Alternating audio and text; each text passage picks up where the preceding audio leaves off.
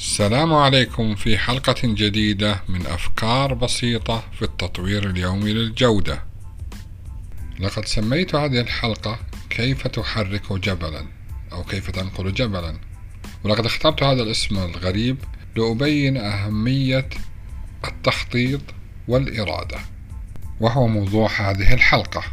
أي عمل ناجح يحتاج إلى الإرادة والتخطيط. حتى أنك تستطيع بهذا الشيئان أن تنقل جبلا من مكانه. سئل أحد الحكماء يوما كيف تستطيع أن تحرك جبلا؟ فأجاب تستطيع أن تفعل ذلك حجرا حجرا حفنة حفنة كومة كومة.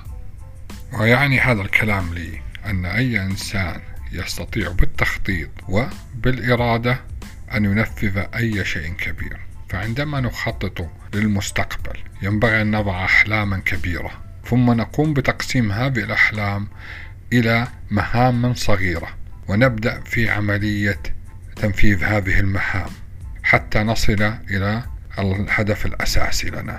وبالإرادة نستطيع أن نستمر وننفذ هذه الأحلام ونغير لنصل إلى الهدف الأساسي. وهنا أذكر قصة زميل لي في العمل. بدأ بفكرة أنه يريد أن يكون عضوا في مجلس الشورى ووضعه هدفا له. ثم بدأ بوضع الخطط لتحقيق هذا الهدف حيث بدأ بالتفكير في النهاية. ثم كيف يصل من النهاية إلى الخطوة التي قبلها؟ فقال ما الذي يجعل فرصته أكثر نجاحا ليقبل في مجلس الشورى؟ فكان اختياره أن يكون دكتورا في القانون. ومن هنا بدأ ينطلق. حيث أنه كان يملك الثانوية في ذلك الوقت. فبدأ في دراسة البكالوريوس في القانون. بعد ذلك انتقل ودرس الماجستير في جامعة الملك سعود في القانون وتخرج. والآن هو يسعى لدراسة الدكتوراه في القانون.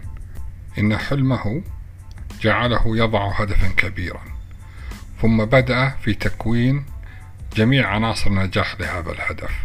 وبدأ يعمل عليها. وإذا أخبرتك أنه في نفس الوقت يعول والديه وبيته وإخوانه وكذلك زوجته وأبنائه. حديثين الولادة.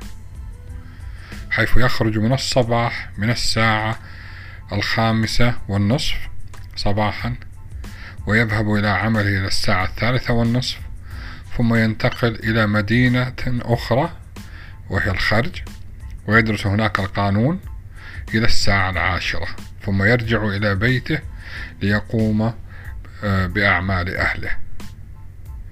هنا تأتي قوة الإرادة حيث قدر أن يغير من نفسه لتحقيق أهدافه.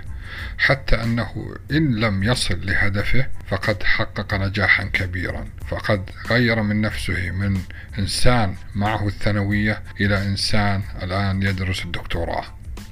وبإذن الله يوفق في هذا.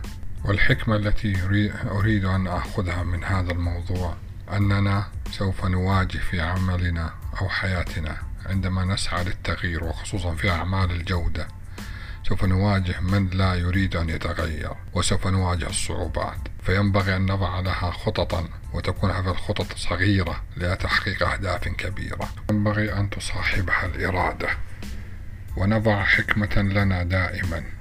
هذه المقولة كيف تحرك جبلا؟